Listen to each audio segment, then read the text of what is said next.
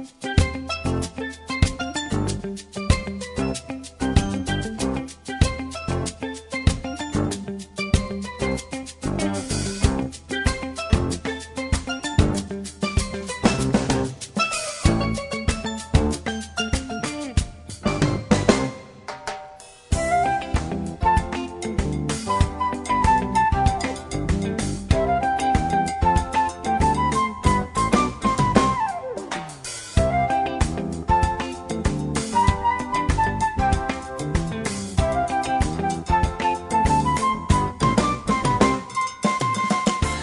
Ja, vi har sånn tånen, så er det morgensendingen som fer i luftena. Hendan høstdagen, hos høstmorgon, den 20. februar. Og jeg er det heine lutsend tikkara morgonverster. Og bildjelangt, lett meg være bildjelangt her sammen. uh, og det som vi fer at uh, hava i sendingen i det er at jeg er sinter uh, akkurat det samme som jeg har haft, uh, jeg har haft sendingar her. Ja om at nøy til nemlig vi får vidgjera en gamla sang, en øyla vel kjent han gos gudskjer, kanskje ikke så kjent han av førskån, men uh, han er av førskån. Vi får takk han og noen så, og høyra søvna at han blir det, og kanskje høyra etter til tvei, tvei utgaver at vi sanns noen. Sættene så færre vi det her var samrøv, og det er verur om et tiltak uh, som, Uh, ja, det er som enskån er Youth with a Mission, og Eh, ung og i troarverkje, at det, er for skon at det fyrir henne i vikskift noen frugja dagen, eller frugja kvalitet og leir eh how at tiltak vi i det vi havn. Og det av det at tåsa nekko om, og tosa synder vi det som stand at han fyrir tiltak i fyrir til a kipa fyrir Men eh, jeg halde til at vi skulle fære at spela eit Et lær, ja faktisk tvei, men damer så utrolig vel Carmen. Carmen er, ja han døye for noen faun år siden, han var ikke så veldig gammal, men uh, han har lært henne godt etter seg, og han, uh, for jeg synes her at, uh, ja, Search Me, O oh God, og I Surrender All, heter det som har fått byrja hessa sendingen av vi, så velkommen søk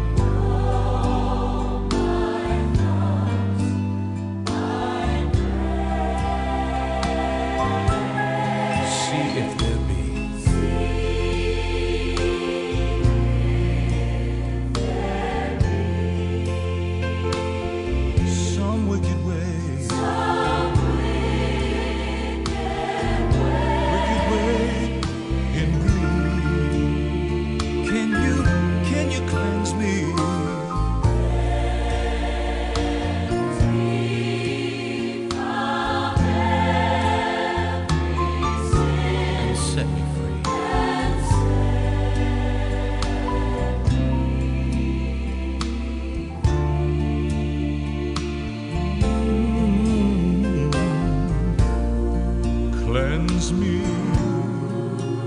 from every sin and set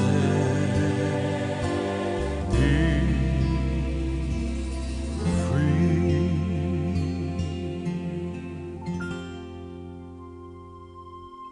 Search me, O God.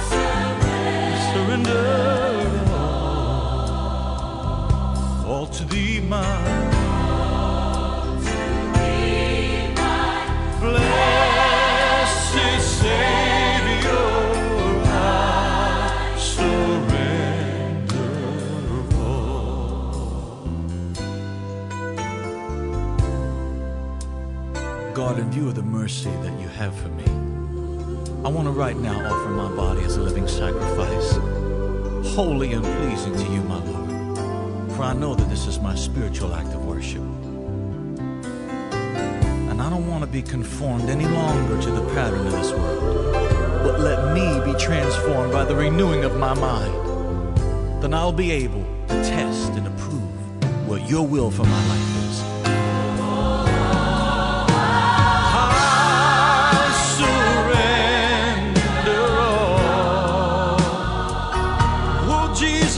surrender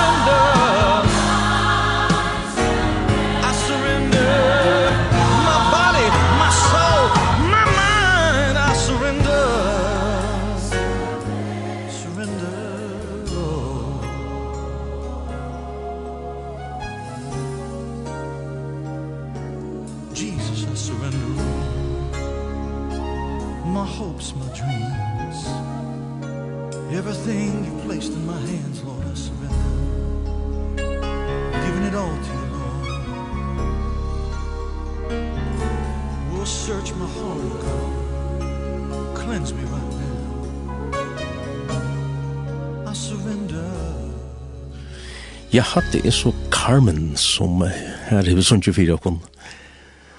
Her sier her, bæg løyene, om man så kan sige. Search me, O God, og I surrender all.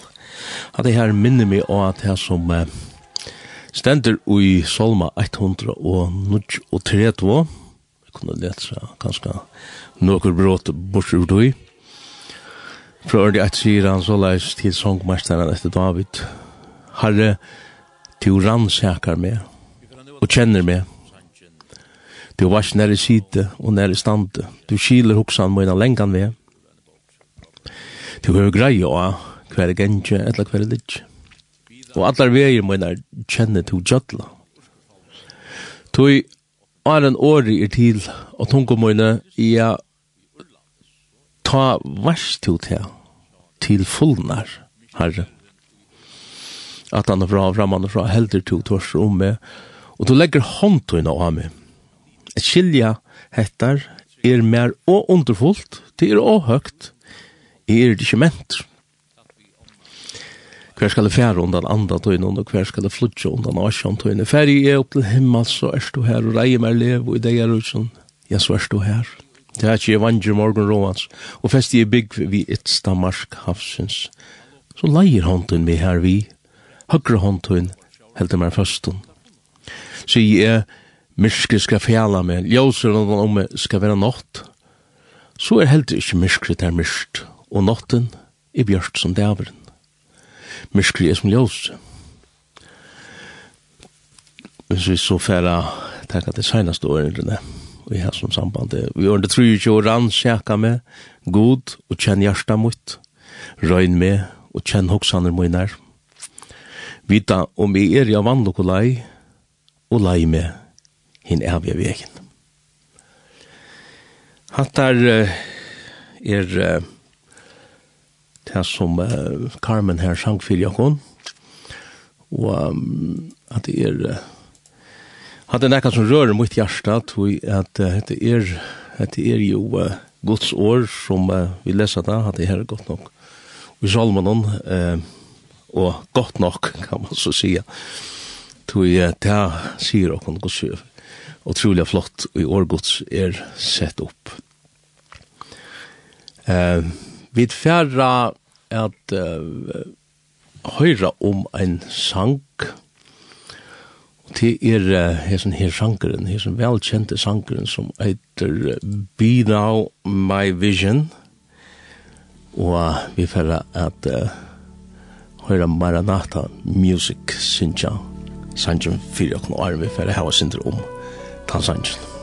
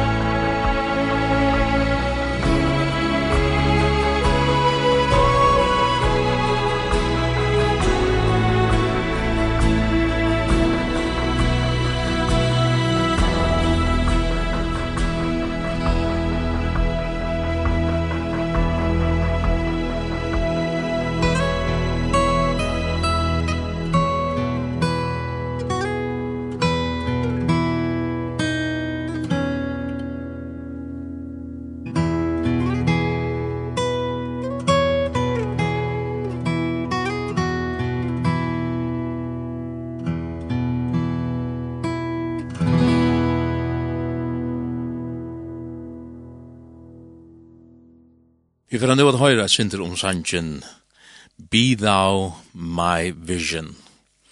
Och det är ur en bok av Robert J. Morgan. Be thou my vision er ein gammal urskursalmer som er skriva over i 8. öld.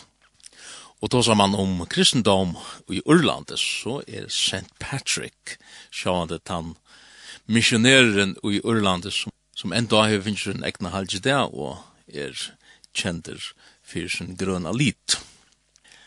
Patrick var fødder i år 373, tatt vi omna River Clyde i tusen nu vil kalla Skottland. Papi hans herra var reknor og Abbi hans herra var prestur. Ta i og Patrick var om 16 år gammal, blei lukla bygden som han boi i Alåpen og hustarra ble brent. Hetta var sjåranærer, og der funnet han mittlen trøyene. Han ble fengavur, der tok han ombord av skipet, og tok han til Urlands som træl. Her gav han sitt liv til Herren Jesus. Han sier så leis, Herren åpna i sinne mot, og gjør det med væran vi mine vantrygg. Og av henda hatt kunne jeg minnast mine misbrott, og venda meg vi av et hjarta til Herren, min god. Til endan slapp Patrick leiser og vendi heimat. Familia var gleda og bo han omgande færa steater. Men eina nått og gjennom dreiume som luktes tui som Paulus hei ta han sa hinn makedoniska mannen i Apostlasøvne 16. Så sa Patrick ein uira bia han om at koma iver og evangelisera Urland. Hetta var ikkje nokre løtt avgjer, men Patrick, som ta var om 30 år gammal, for iveratter til sønner fyrverande herrar. Vi bæra einare bok, Bibelen, til latunsko. Og medan han bær evangeliet fram i bygda lovnån, kommer fjölter at lusta etter honom. Her er lokalo ivetrygg prestaner, druidaner, stå honom i motor, og atla var teka loiv i av honom. Men taler hans herra, høttu sterskan mått, og Patrick blev ein av mest avvaksar miklo evangelisten, jøkken atla tuir. Han byrjade om 200 kyrkjer og døpte 100.000 som var kommet til trygg. Versk hansala helt å og i mengar ölder etter tega hever urska kyrkjan framleit salmar, bøner, taler og lovsangs. Og i åttende öld hever et åkjent skald skriva hisa bønene til god. Her han byr god vera sin visjon, sin visdom og beste hoksaner det og natt. Settene i 1905 hever Mary Elizabeth Byrne, som er lært i Dublin og i Orlande, omsett hesa gamle orsko iskjeng til engst. En annen Eleanor Hall ur Manchester i Englande tog så hese her omsettingen av Byrne og gjør det da til en sang. Ein uh, traditionell og folkasanger, kallar Slain, blei stått etter hettar, setter til uh, hese iskjeng, Slein var uppkallet etter en økju i Orland i herr Patrick sikst hava avbjóa ter lokale druidaner vi evangelien. Hetta er ein av okkara eldstu og mest elskavu Salomon. Be thou my vision, O Lord of my heart. Not be all else to me save that thou art thou my best thought by day or by night, walking or sleeping, thy presence, my light. Össur Berghamar hever omsett Be Thou My Vision til først, og han sier så leis. Vere til altui, mun dyrasta sjån.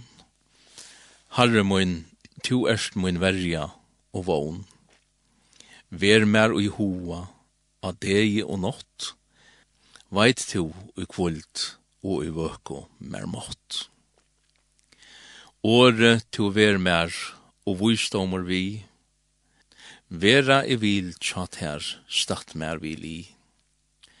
To er min feir, til baden er i e.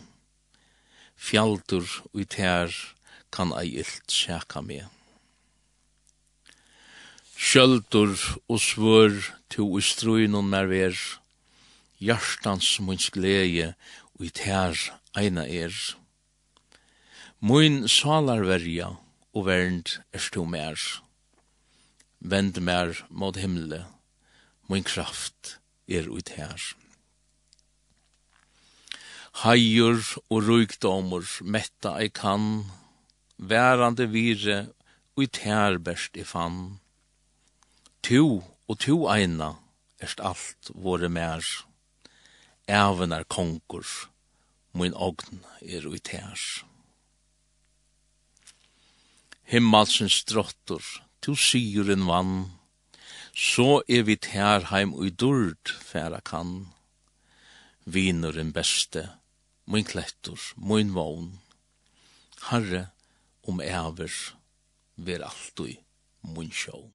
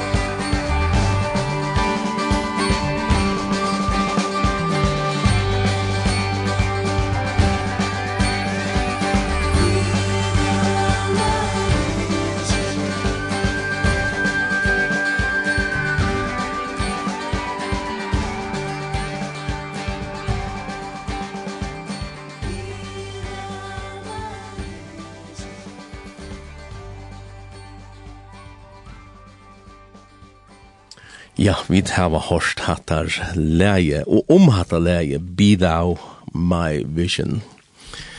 Sjån mun, eh, og forresten han som vi har hørt her, Sintja, stendt ikke akkurat, jo, det stendt Lindell Cooley, han, han er kanskje den ene som sang hattar leie her, men jeg finner ikke leie, eller uh, navnet av henne som sang her fyrir okkur. Men eit heilt utrolig fantastisk og flott lea, en gammalt orslea som er sett til han her sannsyn her, vere to alt i min dyrasta sjån.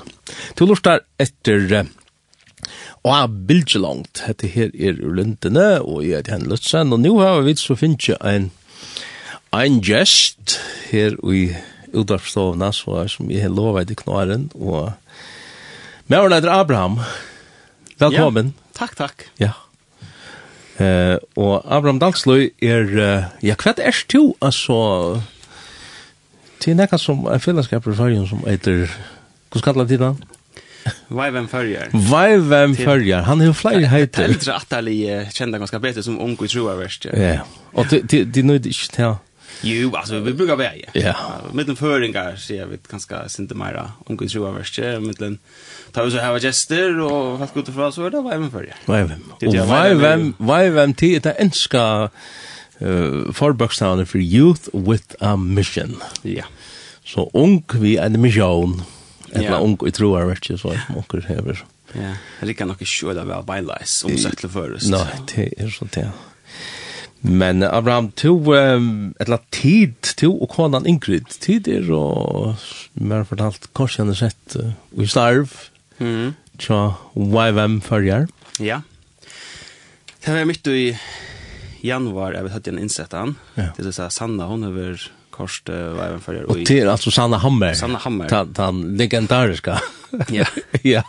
Hun har vært korst, uh, unge i troverste, og i uh, nekvar, siden 2000, og Og det var en tilgång där vi har pratat med Kvisanno och det det som var längst höva om hur det kom här till men det har stått att det länge var att vi vi vi hade så en insättare där det mitt i januari nu har jag faktiskt glömt akkurat tidpunkten men det var mitt i januari Det var jo asene, det var en fantastisk daver. Jeg ga omøte, og jeg vet, jeg har til helt det sanne for det som hun har gjort og så hadde vi den innsettet av oss som leier för för det var så så det där så nu sitter vi här i mitten av februari och och arbetar så vi var en förrun. Ja.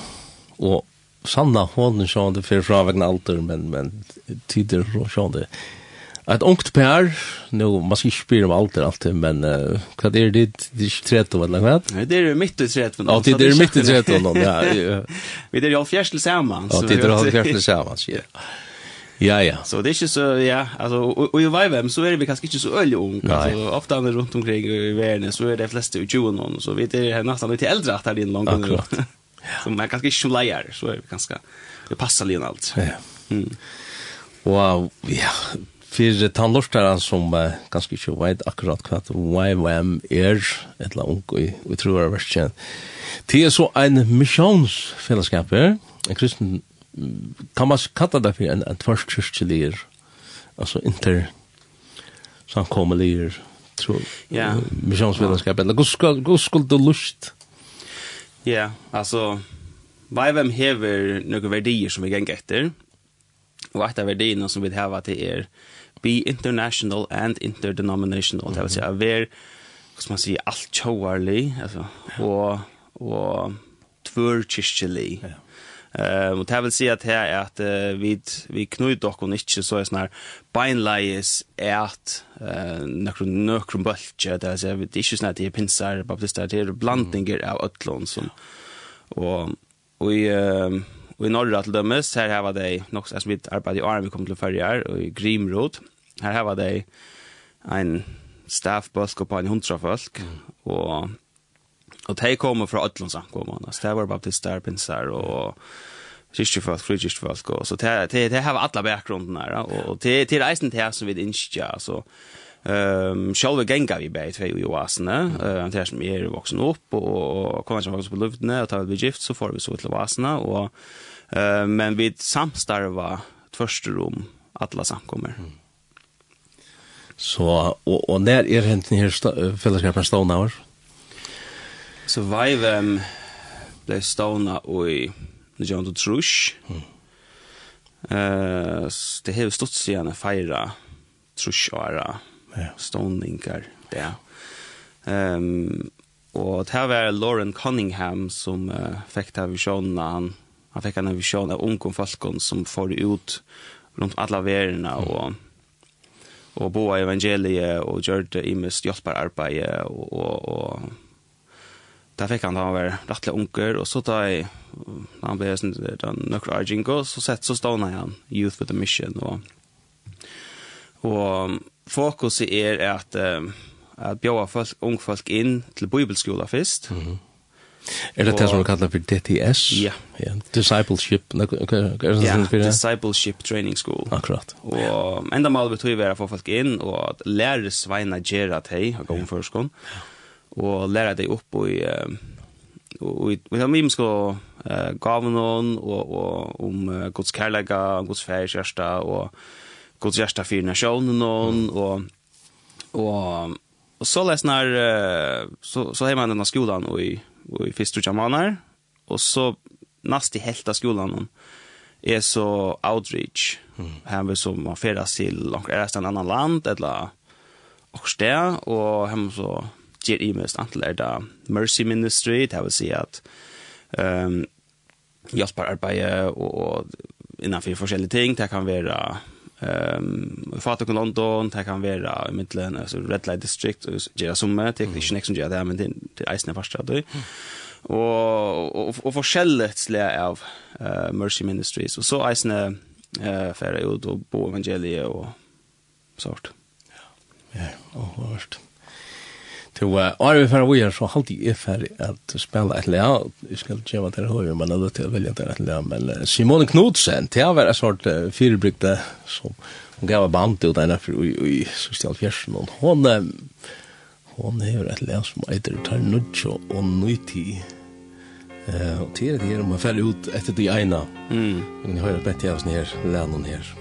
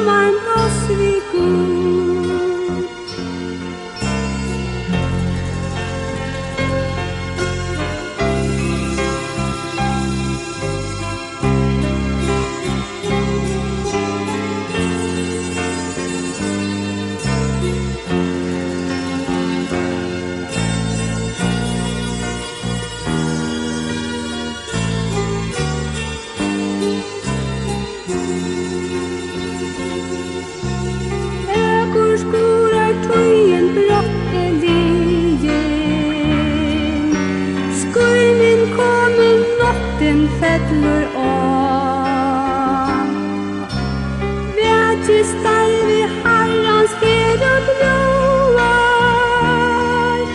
Kjørt vi kommer oppkjørt verur tom Tjala god, Tjala god Lät du elden halka ransa mig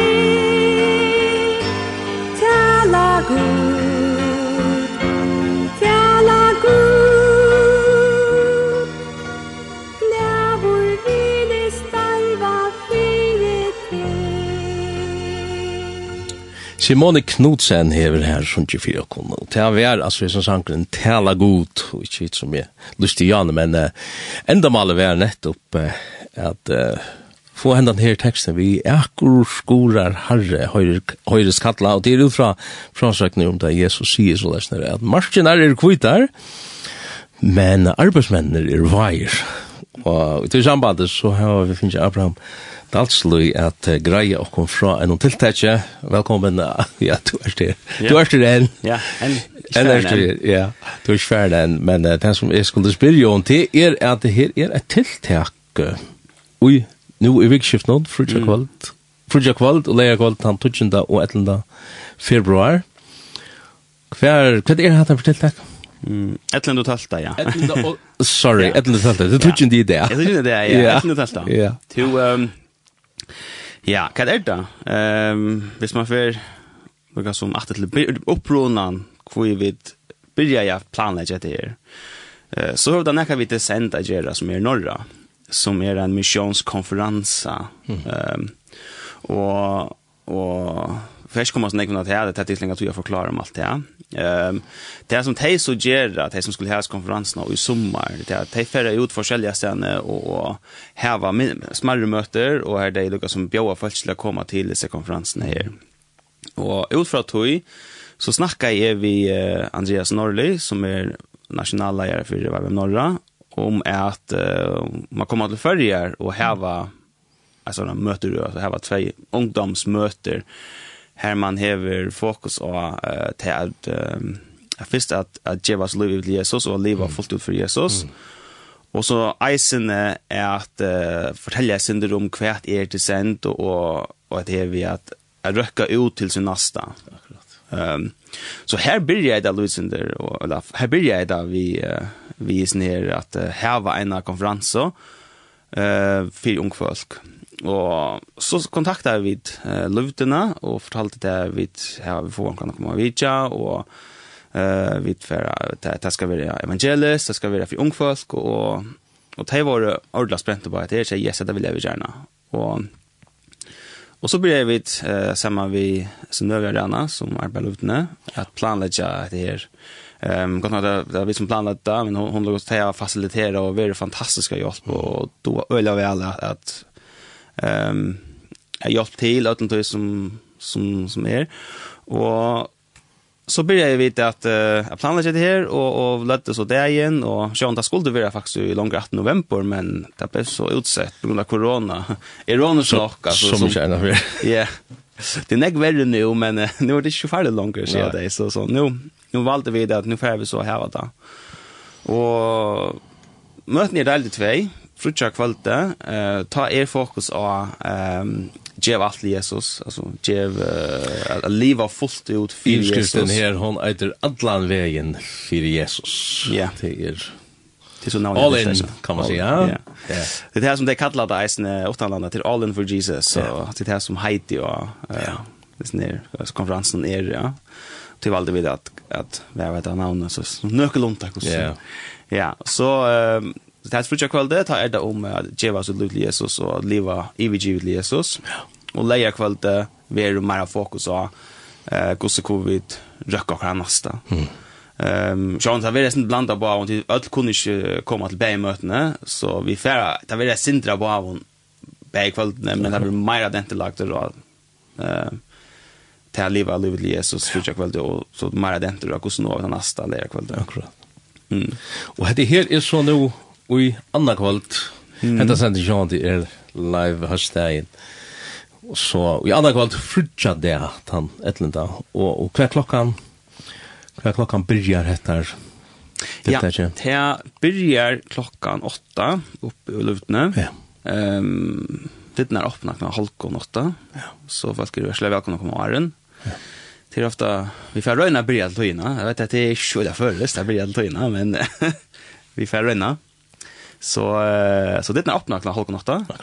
Men möte börjar så klart. Ja. Och där är undervist en skolmen där vi tog skalle först. Akkurat. Mm. Eh och är det hela kan man melda sig till? Nej, man kan tacka outjerna 5 minuter och ärna komma. Men som man borde tagit vi kör det. Jo jo. Nej, man en kvar kan komma så det är inte vi tillmält. Nej. Det fruktar komma. Men han som han som följt här att man är ro att höra höra sin mer om. Mm. Och just det er, og jeg vet at det er ikke han den tråden som ligger i. Og i människa görs hon sälja och ungvaltje som som gjerne vill jag släppa att leva all in for Jesus. Mm. Så det skulle möta. Klockan halv og åtta er det det du sier. Halv og åtta, ja. Ja. Og i, och i annan kvalt. Mm. Um, hette her, hette hotet all in for Jesus alltså så man kan säga att spurningen kunde ganska synd bort spårningar men men det här att att att ta affär ut vid Jesus eller vi boskap med Jesus. Så det man här han visst alltså.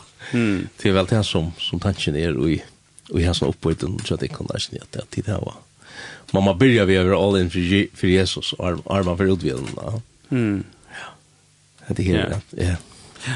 Alltså vid det som jag hade är så inte något snägg det att det är att ungfall konkret och konkret Ja.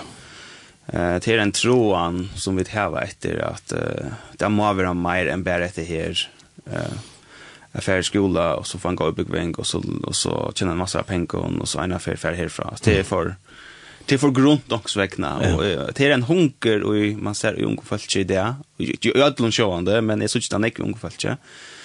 Efter Mike hade meningen vi att lyssna hade meningen vi löven och man kan säga det att att leva alla med för Jesus det är det betyder ju inte att vi ska skulle bli munkar eller någon annan alltså det betyder att att vi kunde leva ett liv van liv men att uh, vi ser dock alla då av god och inte av oss själva det är att leva evigt givet till du kan arbeta vid det som du vill du kan du vet ha familj du kan arbeta här som du vill du kan ehm cykla ut du kan vara lärare du kan arbeta som handverkare eller vad det är du kan stabilt leva ett liv evigt till Jesus. Så det är det som vi inte jag boa är att um, det är inte så rätt eh störst hokus pokus vi till att leva i givet Jesus tackar en korrigera och det är så vi inte jag boa ut långt folk. Ja. Och att vara ett ljus här som man är. Och så att vara ljus här som man är i snö. Ja. Men jag jag har spelat ett och det är det är ganska sent personligt nu nu kunde man spårskla så tid tid här va nu arbetar tid bort jag och vi är ner och kommer in in i detta starv här alltså är er, alltså kvad i driver så så det här kvad i driver så det kom till till just det göra detta alltså ja kvad i driver alltså är inte så ja eh ungefär möta Jesus och det är ett ett initiativ som ligger legit till jamär och Jag hade att att nu säger det att man pjörs ikke att, at man man kan man kan ha vant arbete så innan men men men, men det som är føler, det som bit och är och konan som är och det som vi da giver har lov till det är att uh, leva livet för Jesus på tammaten, jag vet inte att rycka ut til andre folk. Mm. så man kan si att driver jag med det att är inte så ung folk som gjør oss liv til Jesus så det är det som som jeg brenner mest for. Det och det tror jag att det är här som eh giver mot livet lättare Så det er, man kan säga mot drive. Och är det är det synd att du att at du du vil gjøre det vi är som du själv vill finna egentlig? Alltså ja, alltså så ändå det att jag vill ehm det som det som var vem ständ inför och det som vi där inte det är att att uh, ung folk som bränner för mycket och kunde få möjlighet för det och isen det här att vi strånkar som kanske inte vet kan vi men kanske vi kunde vara vid till att uh, fortälla dem om vad det är vad det är mycket och ta kan nästan vara vid till att sätta en hunker och i andra människor om att få hjärsta fyra färg ut mission och röka ut nästa och det är så det är det är så att det är äldre och att att, att det smittar och gör att det sitter äldre i en skål så så färda från trä till trä alltså så lända så ja så vi det inte det att att uh, bjöa fallet vi till att ehm är vi vi och isen här att boa Guds rike, Romhörskon. Ja, ja. Till enda gärna. Ja. Mm.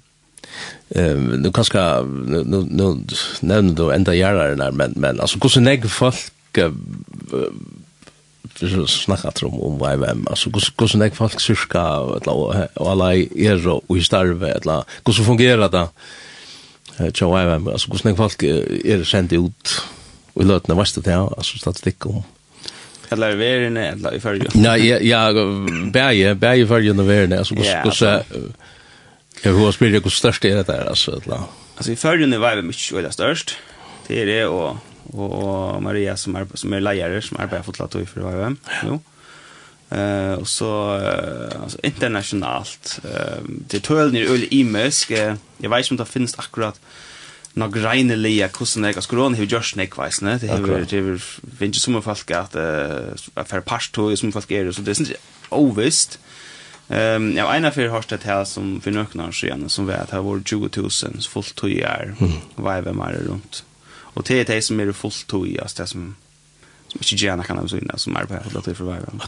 Som vi kände som är staff och och det basen som vi var i här var här var det hundra folk som var staff så det är det är norra. Det är norra, det är största basen i norra. Ja det är en eh mycket internationell så är det en mycket mer stor Ja, så det är större land. Är det den största, är han inte i Hawaii ett land? Ja. Och det är här som de flesta fär att äga till yes.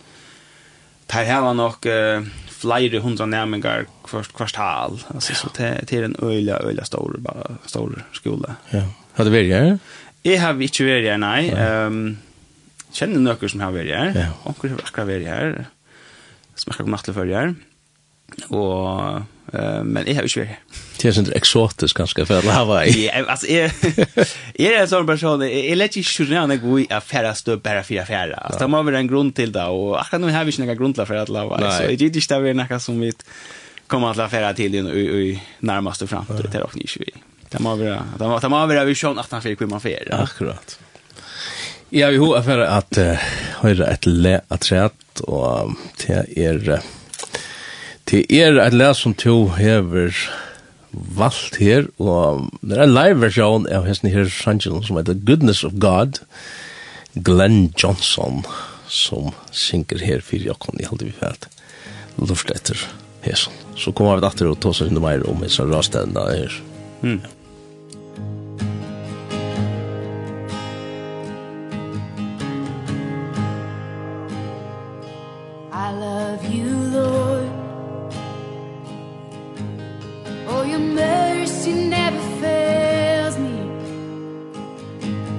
all my days. I've been held in your hands. From the moment that I wake up Until I lay my head Oh, I will sing of the goodness of God.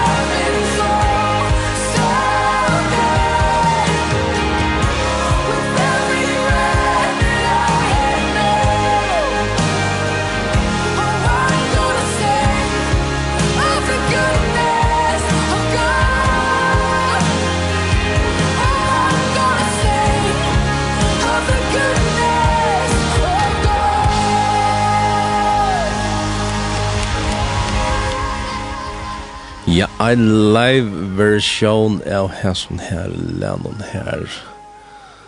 Uh, the Goodness of God. Jen eitir han denne man, Jen Johnson. Og det er altså ikke Jen Johnson som er utavstående, bare nå til er Abraham Dalsløy som... Vi da sitter og prater om et tiltak som nå er i, i vikskiften om, mm. i løvdene. Ja. Og det er uh, ung i troarverst, eller YVM-farger som skipa fire. Hvis du skulle lyst til dette her tiltaket i, i slutten, hvordan er dette teknisk sett opp? Altså, hva kunne folk vanta seg som, som kommer i løvdina i annan gål klokkan? Var, var det halvgan åtta du sier? Halvgan åtta, ja. Klokkan halvgan åtta byrjade småvån, men så klokkan åtta så, så fer så fer, mm. fer akkurat til. Det er det som fer gang? Til, uh, ja, vi, uh, vi snakka jakka du om, uh, om DTS-skolan og at de har outreach og fære ut og forskjellige sånt. Og vi er så heldig at vi har et outreach-tøyme og i følge om nå, som er kommet nå norra. Det er jo i Imskon London, og de kommer er standa for lovsangen Og en av dem som er vi her, han er ser ser anerkjenter mm. lovsangsleiere. Han har fantastisk talent å leie lovsang. Mm. Og han kommer så at um, at leia lovsangen, og så snart som det var oppbygd til at um, jeg kom med leia møte, og så kom at jeg hava lovsangen, sammen vi øren før en gang. Hvordan legger vi er det? Det er, det er nødje. Ok.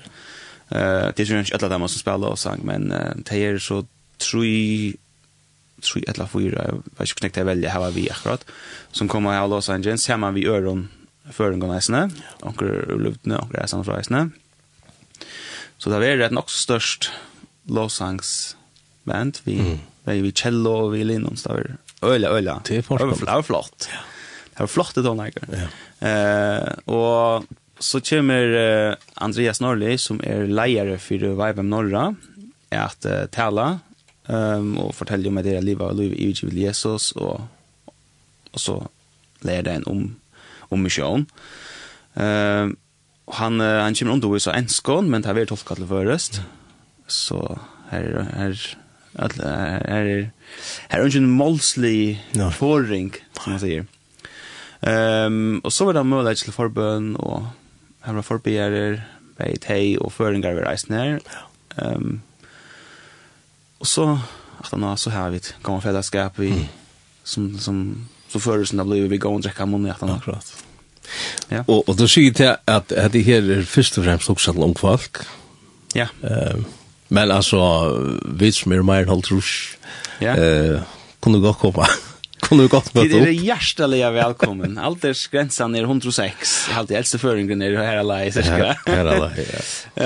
Så, um, ja, så til alle er hjertelig velkommen. Eh och jag huxar för det äldre till öliga gott att äldre folk eisen komma för det stod att han inkro. Ehm då ska se att att boskapen är attla ungfolket om att att att så det är en enfaldig boskapen om att ge oss ett litet Jesus och liv evigt liv Jesus. Men jag hade det så gott alltså inte äldre folk som vill jag komma och stod ungfolk ungfolket. Bär ju i förbön och och eisen bara för att komma och och njuta gott år och komma någonstans. Akkurat. Mm. Och det är inte inte avmarska tal av av lotekar som som kan komma Eller.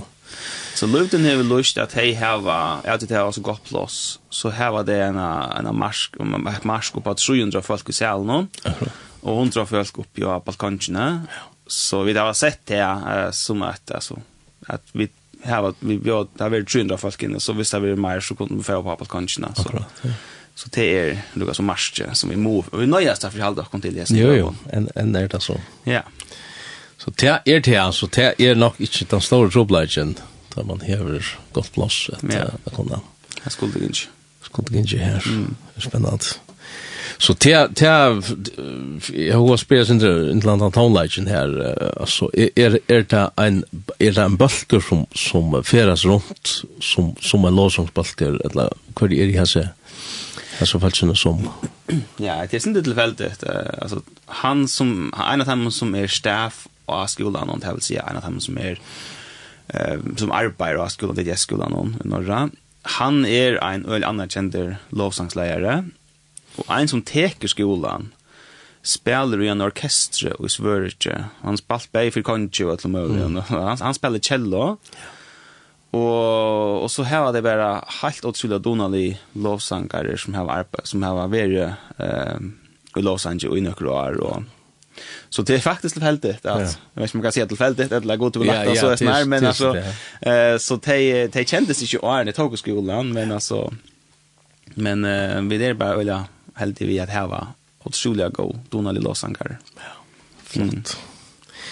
Ja, jeg vet ikke om det kommer rundt. Jeg, jeg har spyrt en spørning kan si at det er gosse gosse i Youth with a Mission er skipa. Altså, hver halda det til og i varjon? Altså, gosse ja, det skrivs da og, og, og etla, etla. Gosse, gosse er det arrangera i varjon? Vi har uh, et kontor i Skansehus nå. Akkurat. Skansehuset, det ligger og Ehm här visst man är nere kajen och higgen igen och höften här. Mm. Eh så är skanshus här uppe. Och här är vi har vi den såna framgöra att vi har sån jag här är som en en en samling av imskon uh, missionsfällskap. Akkurat. Och, här är vi ett isne så um, Och det det det är en en en stor vittnesbörd så själva alltså det är och här är alltså KFS är här och och ja kvart andra är ja här är nu och skulle jag ha listan framme för mig det glömmer alltid. Nöker det. det det men ja vi det? Här var vem och um och KFS och Open Doors och här är här är ehm Provida er her, og Elm er her, og Miriam er her. Mm uh, Miriam er en fellesskaper som hever um, uh, søker ut til uh, en skola i Afrika, og um, jeg har helt glemt omkran, og det måtte jeg bare fyre ikke av meg, jeg har glemt omkran. Tid som lurta på henne. Tid som vita at det er jeg snig her. Akkurat. Ja. Nej, nu spyr ju så det. Men hade jag ett förlag tiltak, altså förlag tillskott at att samla Ja, det är fantastiskt. Och här kommer här här här kommer vi samman vid här var inte en vik när vi äter samman öl och den veckan här vi bia samman öl och och här kan man så sparra och samman om om mission och och och vet jag bära uppleva gott av det till till simpelt så gott och Och vi där här är det som alla oftast alltid folk här så vi som skulle hoa vi ja och spela sin in till kan ända och en vem opp med Norsk KFS, så endelig. Så det er huset som er nye for Starsfellet, ja. Starsfellet, som det er alt for. ja, adressen er, hva er det, J, H, Skrøt, der Skrøtta, Edlev og Ja.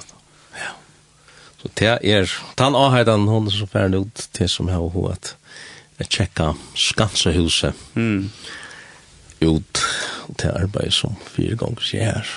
Mm hatt det flott. Og, og det som uh, det som er avhverst, det er at, at det är ju fällskapet på tors av av uh, Ja, vanligvis fyrir døgnet så, så hei man ganske meir av oss nir at, at, at uh, ti er at navnet blir horen i en samkom som styrer hva, hva det er for arbeid du gjørst da, og og det blir meir og meir av hinnom vel at uh, man hikker ikke sjølg enn etter navnet om av jordene, her, akkurat hver man gonger, hver man kommer, det er faktisk samme rydde, ja, det er samme, samme røya røy, for jeg bruker det uttrykk. Ja. Det er Jesus som, som man skal mm. fylltja og gjøre. Ja. Og de som er her, er reisende fra Ødlund, i muskon, tror jeg, altså, samkommun. Så det er, det er reisende til øyla godt, altså, det er så gjør vi som øyla gjevande og, og positivt. Man kan lære fra hverandre, og, mm. helt sikkert. Ja. Flott, ja. Så allan vegin fyrir Jesus, all in, all in for Jesus, det er sånn jo i vikeskiften og det er i fraløkken omstående oppi i løvdene. Mm. Det som ikke vet hva løvden er, det er, det vil ikke ordentlig vi. Det er adressen her helt ikke, men det skal man nok. Det er nok over lenge. Ja. Man kan ikke ungenga at sugel hver hver det er så det er så Fyrtja kvalt klokkan, ja, hatt vi i alla fall kom at møta klokkan klokkan halvgån åtta, han som vi at hit oppe i smaven, og så, så fer tiltekje i gong klokkan åtta. Og det var kanskje skjett nekka, nekka marsk fyrir hos landje til halda og eller kvart? Nei, ikke som så. Nei. Um, taver nok uh, halv annan tvær timmar. Nok nær tvær timmar man omsetning tek oss en lång ja, men taver nok tvær timmar. Vi har sett fra 8 til 12 kvart kvart. Ja. Mm. Og så leier kvalt på på samme måte. Her ja. i her i leier kvalt så er er meira outreach parsteren eller fjellet den til det, men mm. det var DJ tror jeg. Ja. Og samme hot. Fralukt, nu har vi pratat så deilig landet, og finnes jo lyst, jeg synes rundt om at det her tiltaket her, Abraham, jeg har jo at sier deg tusen takk for at du omganger der Åman. Mm. Fra Skanshusen og helt her Åman. Helt her oman. Ja, helt her Åman. det er ikke lengt å genga. Nei. Nei. Fin tur. Fin tur. Vekker godt, og nå er vekker godt, kanskje. Mm. Så vi har sånn åren så for jeg sier deg tusen takk for det, og, og helsa Marie og Frokon, og vi får bare ikke ha en sikning i tikkere arbeidet. Takk for det. Og vana til at uh, det her tiltakje for å være vel, vel møtt, så det er sånn at uh, eldre kan gå på i omkran træd til at gjøre det her verste som han kallar okken til. Mm. Så jeg er akkurat herren han kallar okken, og han vil ha okken ut til marsjen her, er kvitar, mm. til hest. Ja. ja. Så vi har sånn åren så ferdig at uh, sier tusen takk for at du ville komme, og Jeg har for å spille et le, og til er av fløvene som heter Vi kunne gjøre Jesus, og til er det her som heter Merlangest etter Tjær.